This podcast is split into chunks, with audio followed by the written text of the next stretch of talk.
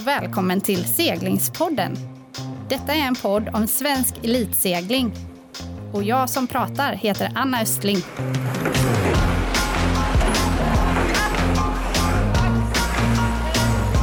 Seglingspodden presenteras i samarbete med Helly Hansen, Båtmässan Göteborg, Pilot Pen och Brant Båt.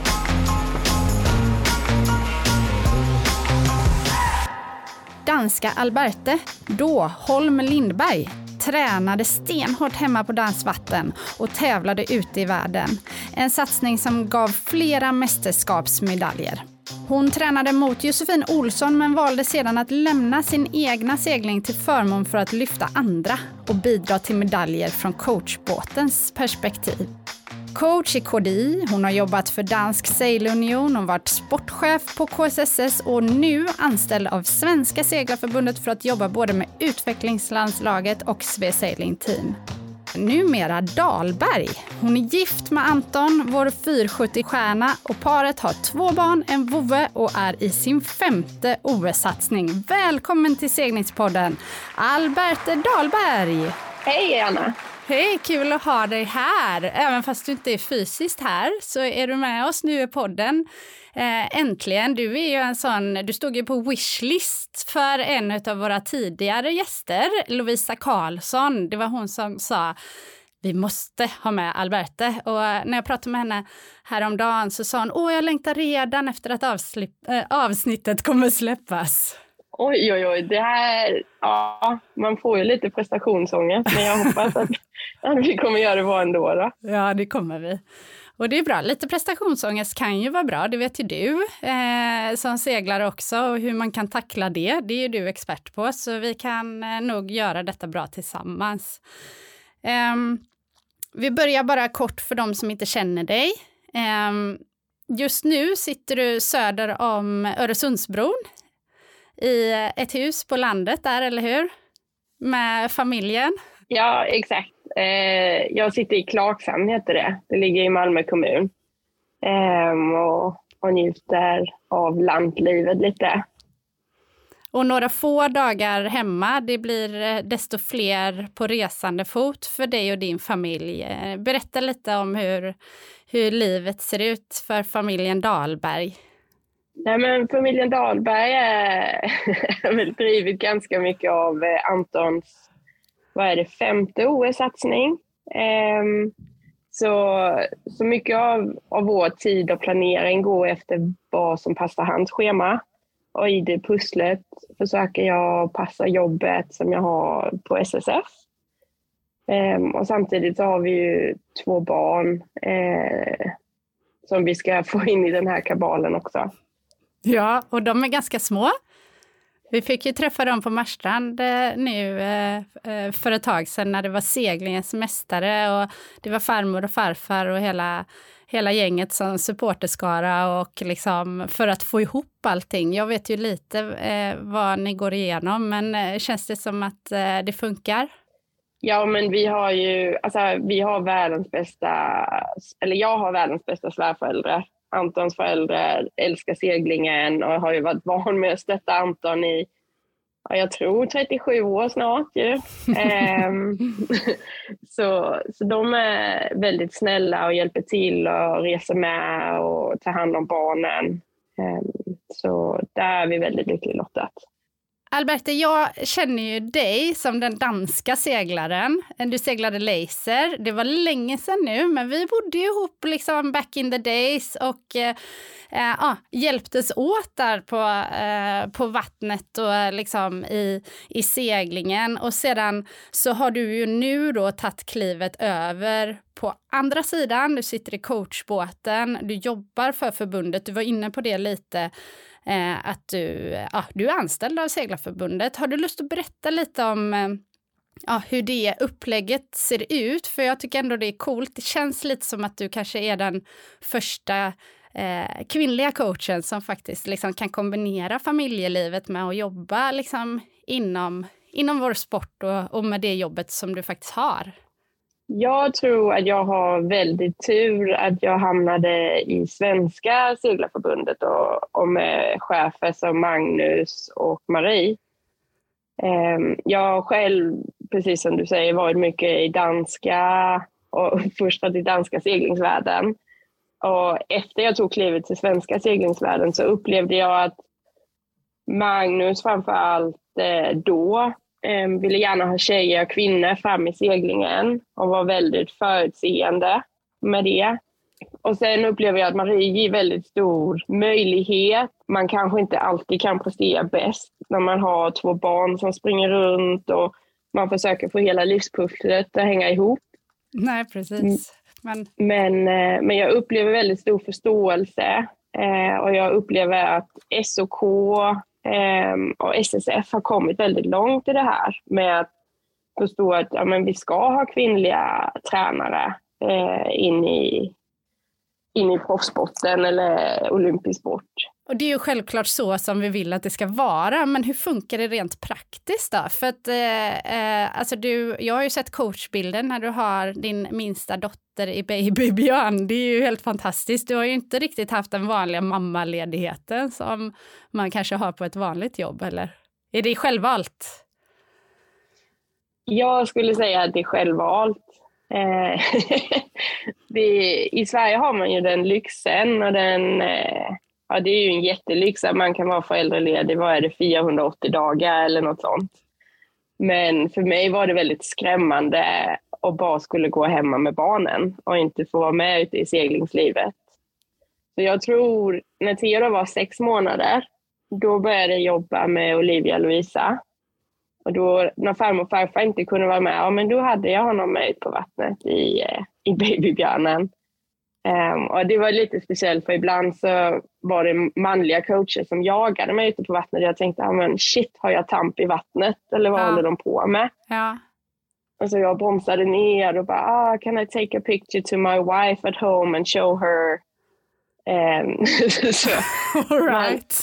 Ska man ta det som ett plus eller var ja. det liksom... Jag antar i och för sig att de är imponerade såklart.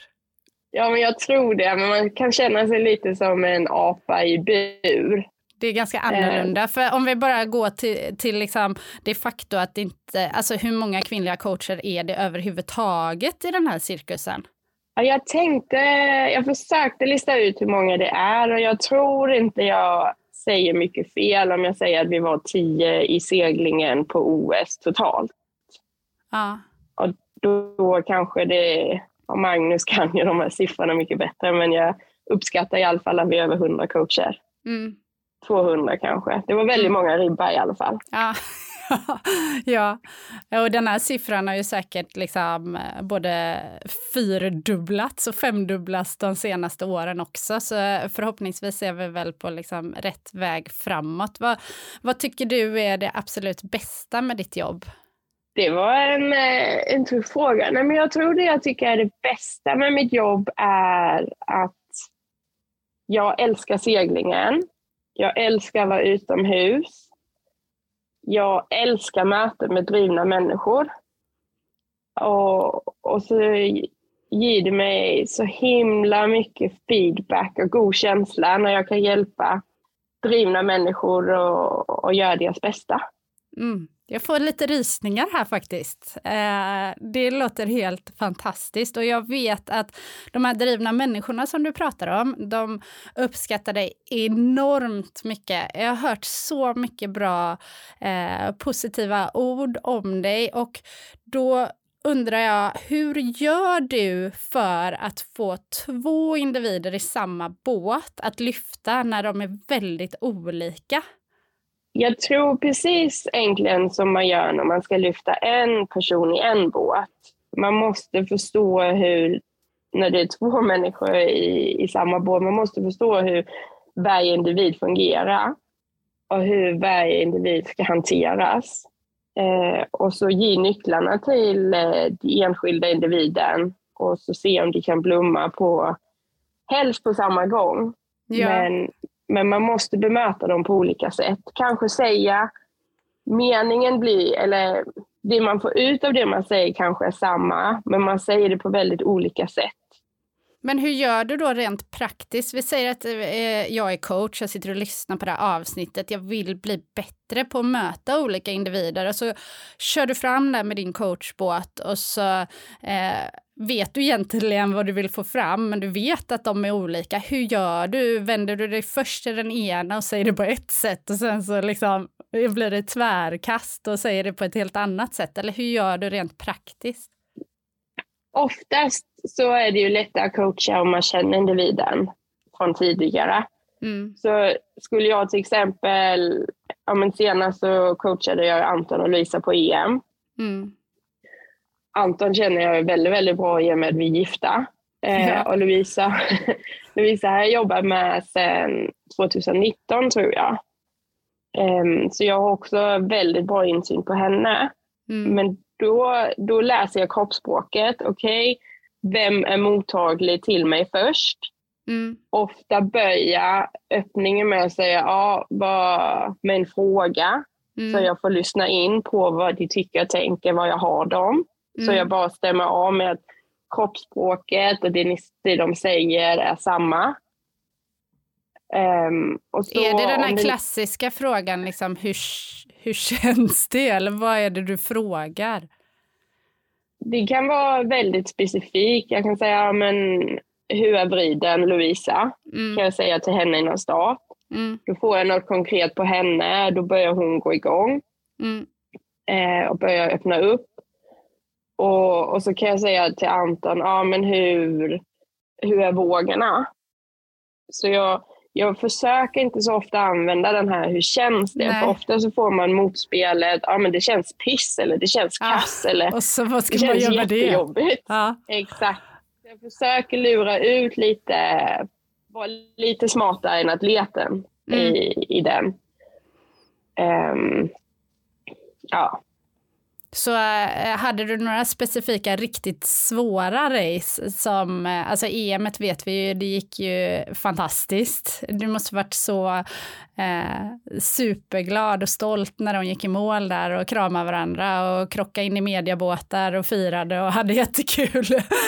Men liksom var det några tillfällen under EM som var tuffare för dig som coach än just målgången i medaljracet? Ja, alltså man får ju alltid plocka ut vad är det vi kan ta nytta av nu, vad kan vi säga på vattnet och vad ska vi vänta med till land. Mm. Där vi kan använda videon också så man kan få lite mer ja, men ögon utifrån. Ja. Ehm, men, men ofta skulle jag säga att man egentligen ska bygga seglarens självförtroende. Mm. För jag upplever att de seglarna som har tagit sig så långt är väldigt självkritiska. För annars har de inte orkat att lägga ner all tid på det de gör. Så ofta är det som jag behöver göra i ribben är att lyfta. Mm. Ehm, till exempel till Lovisa kan det vara, men jag vet att du kan detta Lovisa. Mm. Du Mm. måste sträcka på dig, eh, kolla framåt och så ta besluten. Låt inte Anton gå in. Det är du som har den här. Du kan detta. Ehm, och, och så kan det vara Anton, nu får du lita på Lovisa. Inte lägga dig i.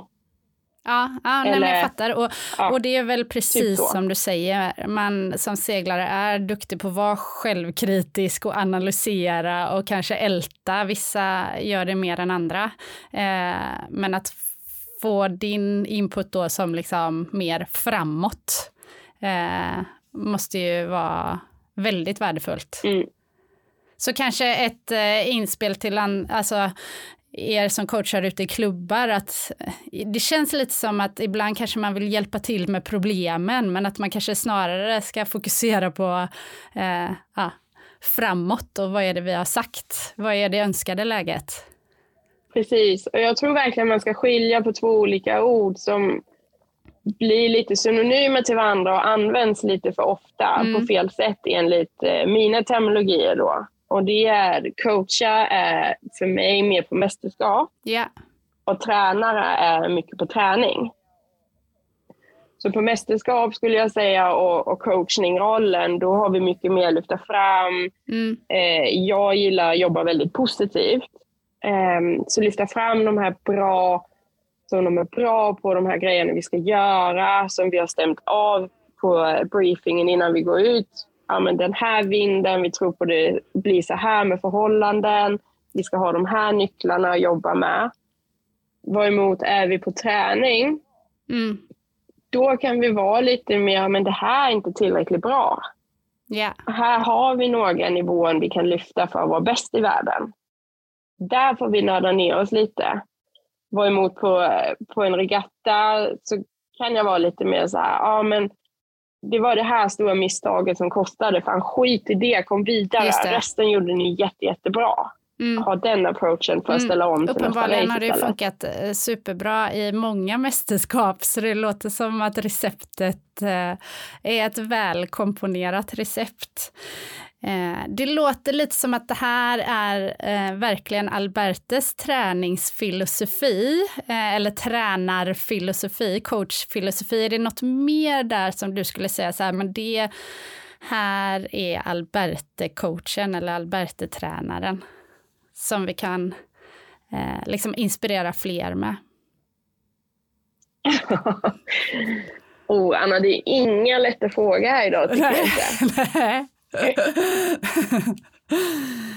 jo, ehm, jag vet inte om jag är så inspirerande. Jag vet inte om, eh, om jag kan hjälpa folk på det sättet. Men jag skulle säga skillnaden som jag kan uppleva ibland det är att jag försöker se hela människan. Um, jag är inte riktigt bara nöjd med hur det är på vattnet. Jag vill gärna att eh, atleten mår bra också. Eller att vi har koll på vad som är bakom. Och det kan ta ganska mycket energi. Man ska veta det som tränare eller som coach att går man in där då krävs det ganska mycket jobb också. Men det är där jag kan inte låta bli att gå in om jag jobbar med ett team väldigt nära inpå och, och vi har ett tajt samarbete.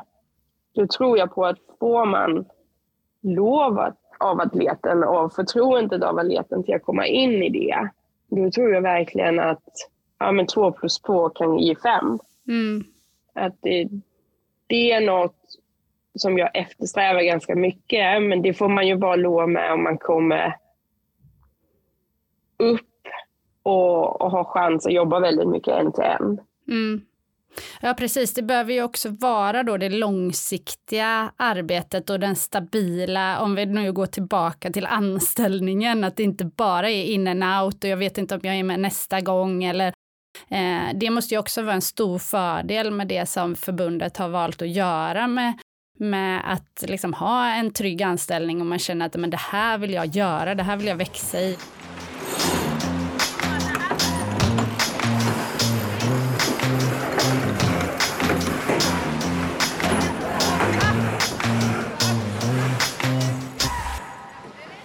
Om vi då går in lite kort i eh, den mentala hälsan, alltså som seglare eller liksom elitidrottare egentligen overall. Nu har du sett många längs vägen och du har jobbat både i Danmark och liksom du har en egen erfarenhet av segling. Um, vad liksom, hur, hur, hur svårt är det att vara elitidrottare och kanske specifikt seglare? Jag tror frågan är väldigt individuellt och det finns inget tydligt svar eh, överlag. Men jag tror man ska tänka lite så här, det är fler som går och battlar med utmaningar på ena mm. och andra sättet än, ähm, än vad man tror. Ja, för man ser ju de här bilderna i Instagram, det är så käckt och man liksom, alltså jag tänker att bakom det så finns det ju så mycket mer. Hur ska vi göra för att, att hjälpa seglarna på bästa sätt att bli den här hela människan, tycker du? Ja, men jag är kanske lite inspirerad från Danmark där. Jag vet ju SOK och RF jobbar på samma sätt nu med att vi ska ha flera ben att stå på som idrottare som man inte bara har sporten, men man kanske har en utbildning man håller på med samtidigt, man har ett socialt umgänge. Eh, att man hittar en sammanhang man kan vara i. Precis, att det finns fler saker som betyder något. Lovisa beskrev ju det rätt bra i, i sitt eh, avsnitt, liksom att ta med sig tryggheten hemifrån ut i världen. Liksom. Vad är det du gillar? Ja, men jag kanske gillar att spela ukulele, någon annan gillar att eh, ta med ritblocken, någon tredje gillar något annat. Liksom. Att, få, att få vara den man är. Mm. Hjälper du dem med de här sakerna? Påminner du om detta också? Ja, i den omfattningen det går att påminna. Eh, jag är ju också bara människa, så jag glömmer ju bort grejer också. Jag är ju inte ja, men alltid hundra procent bäst. Men, men så ofta jag, jag kommer på det så försöker jag vara stöttningen och, och vara den som håller röda tråden. För precis som du säger, alltså tryggheten betyder ganska mycket. Och speciellt om man mm. ska performa. Alltså, så när jag pratar performa, då tänker jag när man är uppe i topp av talang. Eh, jag tänker inte när vi är utvecklingslandslag. Ehm, då har vi fortfarande extremt mycket mer lära. Seglingen är ju en erfarenhetssport, så man ska ju förvänta sig att, att man ska hålla på länge med seglingen. Alltså man ska skynda långsamt. Vad skulle du vilja säga till en, en seglare som är liksom är det i, i sin eh, liksom, tidigare fas av sin karriär och liksom, men ändå vill så mycket så att det nästan gör ont i en själv när man står och tittar på det. Alltså man liksom vill bara kanske bidra med lite balans. Eh, eh liksom, är det vanligt tycker du? Ja, det tror jag verkligen. Alltså, ja, det ser man ju när man bara är på handplan så märker man ju folk som verkligen har det helt ut till fingerspetsarna. Men jag skulle säga att det är väldigt viktigt att älska seglingen. För det kom, mm. man kommer behöva hålla på med, med seglingen ja, men väldigt länge och förhoppningsvis resten av livet. Skulle också säga att det är väldigt viktigt att hitta en sammanhang. Så man får eh, vänskap som kan hålla en i sporten om man blir skadad, att man fortfarande har kontakt med vännerna som är i seglingen, så man hela tiden har en eh, kontakt eh, med, med sporten. Och så skulle jag säga mm. att det är viktigt att hitta några vägvisare eller mentorer som man kan ta hjälp av när det behövs. Um, och, och, precis det här med att inte ha bråttom. Nej, precis. Och, och liksom, eh, upplever du att det är liksom overall är för många som har bråttom och vill för mycket. Och det, är där, alltså det jag tänker lite på det är det här, hur ska vi få fler att liksom fortsätta? Eh, vi behöver ju liksom, viss, de behöver älska segling, egentligen kanske de gör det, men så kraschar det, lag kraschar och liksom man vill olika och man kan inte komma överens, man är 16, 17, 18, 19, 20. Eh, hur gör vi där, tycker du? Jag tänker att det är det som styrelsen och, och förbundet har tänkt till lite på när de har anställt Martin och jag. Att vi har Igen, vi har starka klubbar. Efter Igen, det blir ju extremcurlade där. Alltså vi ska ju knappt mm. tänka på något måltid de ska äta för att allt är ju fixat och lagat och så. Um, så det är lite som den här fågeln, du vet, står på kanten av taket bara så här, oh, I believe I can fly och sen flyger de ut och så bara bang, rakt ner i marken. Ja. Så där försöker förbundet med utvecklingsanslaget att ha några mentorer som kan hålla handen lite under dem medan de sakta svävar ner mot jorden. Mm. Sen måste vi ju börja och lägga grundjobbet, för ofta så är de som kommer ut från riken är ju juniorseglare fortfarande. Vad juniorvärlden är en helt annan grej än att gå över till seniorvärlden. I seniorvärlden mm. har vi ju, ja, men vad, hur gammal är Santiago Lange? Han är ju mm. ganska gammal morfar ja. och farfar är han väl. Um, så, uh, nej men, så där är det viktigt att vi försöker att de inte får den här crash, bang, boom och sen slutar seglingen. Mm. Men att vi mm. mer försöker vara där, stötta berätta, rådgir. Ja, men det är inte nu ni ska åka på utomlandsäventyr. Nu ska ni egentligen mm. komma in i plugget om ni vill plugga vidare. Vi ska träna mycket på hemmaplan. Um, det är också väldigt ekonomiskt dyrt att segla. Det vet alla mm. som håller på med segling. Så, så vi försöker göra det bästa möjliga.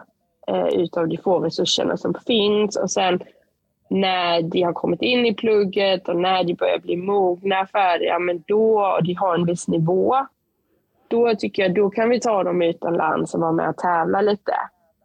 Så, så, så de får en succéupplevelse eh, istället för bara få eh, käftsmäll. Mm. Om vi går tillbaka till din segling, du är framgångsrik i Leisen för Danmark. Vad har du tagit med dig från din segling vidare in i ditt yrkesliv? Alltså jag antar egentligen allt. För jag menar, du är ju eh, den du är och liksom man, man formas ju av sin egen segling. Men är det något specifikt sådär som du känner att det här, det här vill jag stötta mer på eller det här eh, har funkat bra i Danmark, det borde vi göra här till exempel? Nej, men jag jag hade ju den turen när jag startade så fanns det väldigt bra eh, seglar i Danmark som jag kunde haka på. Det fanns en väldigt bra eh, talangmiljö där vår, eller danskarnas bästa tränare skulle jag säga, Finn Betong, som är motsvarigheten var till Donning, som tyvärr inte är med oss längre. Så till att driva utvecklingsmiljöerna man blev själv, väldigt självgående. Det var inte ofta han kom upp och sa dra Cunningham eller någonting. Han var mycket den här, hur känns båten? Känns den tung? Ja, men då ska du dra lite uttal. Um, är det mycket rodertryck? Ja, men testa flytta dig lite bak i båten. Du vet, han var mycket mer, mm. gjorde en väldigt självständig. Så det gjorde ju att jag behövde kanske inte coachen eller tränaren så mycket ute. Jag behövde mer coachen på regattor. Just det. Jag hade ju tur att ha en av de få kvinnliga coacherna då, när, när vi höll på i olympisk sport, Anna och jag. Vi har fortfarande kontakt, hon är fortfarande viktig för mig. Mm. Härligt. Du, eh, du har ju sett många olika team. Både lyckas och eh, eh, göra mindre lyckade grejer. Vad, liksom, vad är nycklarna för att bli det här framgångsrika teamet som alla drömmer om att bli? Ja, jag, alltså jag tror det viktigaste um, jag, hörde, jag hörde ju Vilma och Rebeckas podd också. Det här med att de satte sig ner eh, med coachen. Alltså det, det var ju jag som var med där och det är ju väldigt viktigt att man får sätta sig ner och göra en förväntningsavstämning från början. Ja, men, pratar vi samma språk? Alltså, så vi inte pratar om äpplen och den andra pratar om bananer. Mm. Vi ska prata samma språk, vi ska kanske ha samma förväntningar. Det är inte dåligt om man har samma mål, så man på ett tidigt sätt kanske börjar förstå den andra um, i allt detta. Men ja, jag tänker det är väldigt många som, som är väldigt kompetenta inom det här området. Ehm, så det är många, många olika man kan fråga.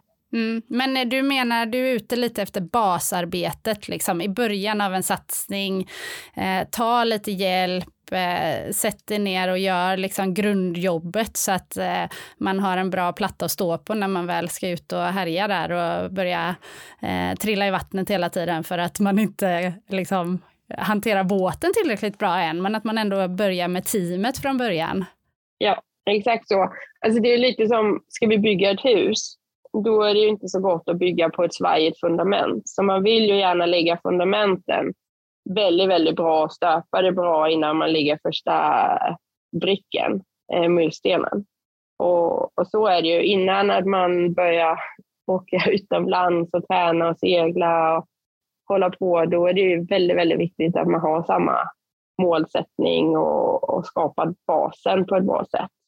Lovisa var ju inne på lite samma sak där, liksom kanske det här med trust the process när det gäller liksom hanteringen av båten. Det kommer komma, vi lägger tillräckligt många timmar overall så vi kommer lära oss att jippa liksom. Eh, men det andra, eh, lite luddigare, kanske lite svårare och ju yngre man är desto mer eh, klurigt. Eh, tappa inte bort det. Det är väl det vi vill ha sagt här nu då kanske Alberte, eller hur? Ja.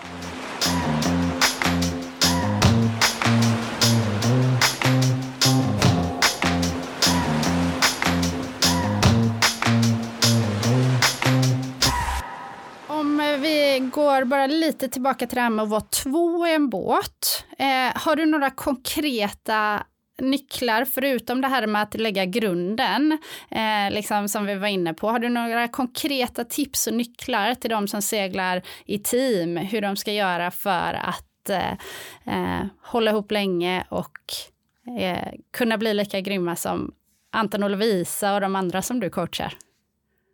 Alltså, det viktigaste enligt mig då är att ha respekt för, för varandra.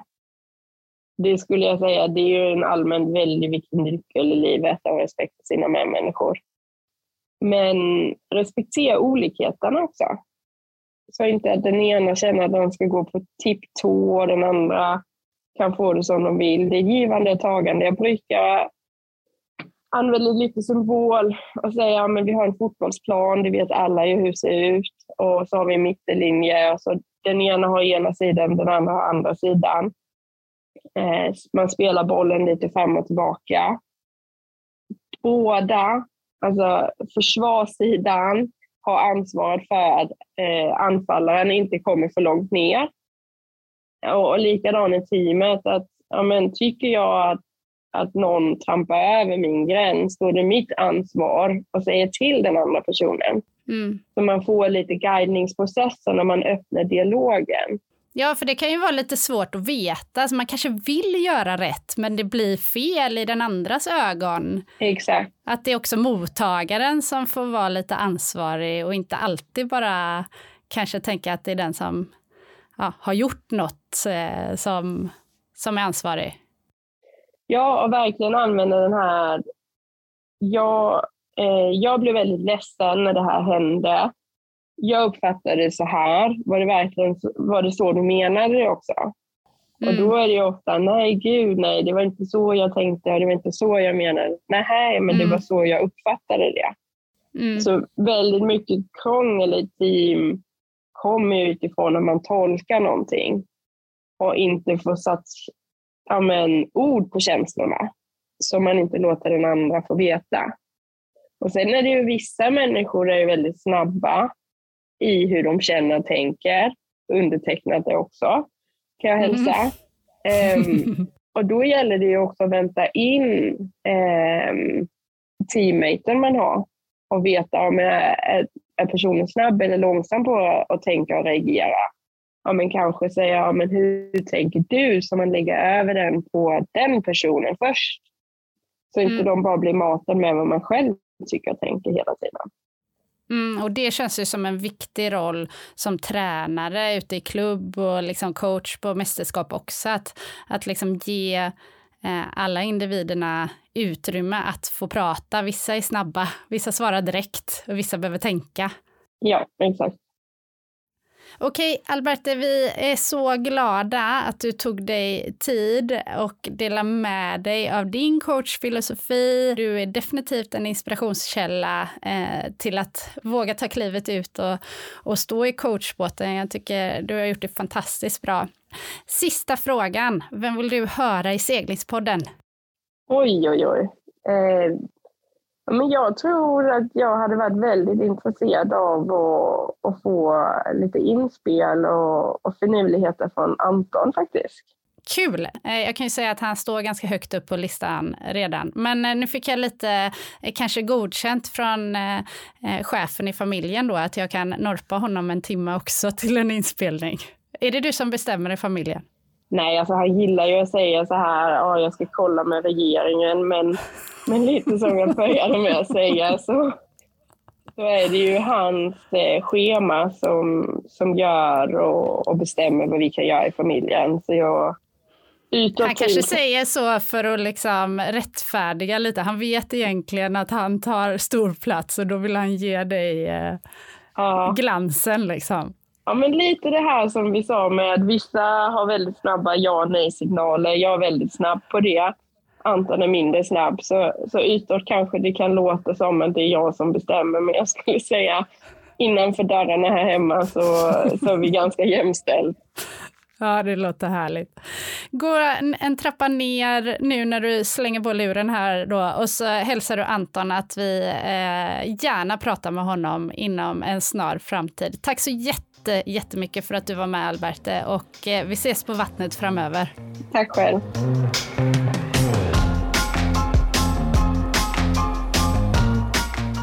Tack för att du har lyssnat. Inför det här avsnittet så pratade jag lite med Lovisa Karlsson och hon beskriver Alberte som expert på att möta olika personer och anpassa sin coaching. Och det var verkligen kul att höra hur hon lirkar och lyssnar för att förstå i vilket mod seglaren befinner sig i.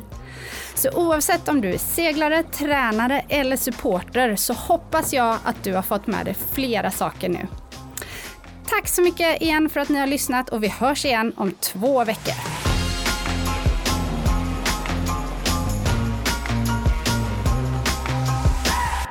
En poddproduktion av Fredag.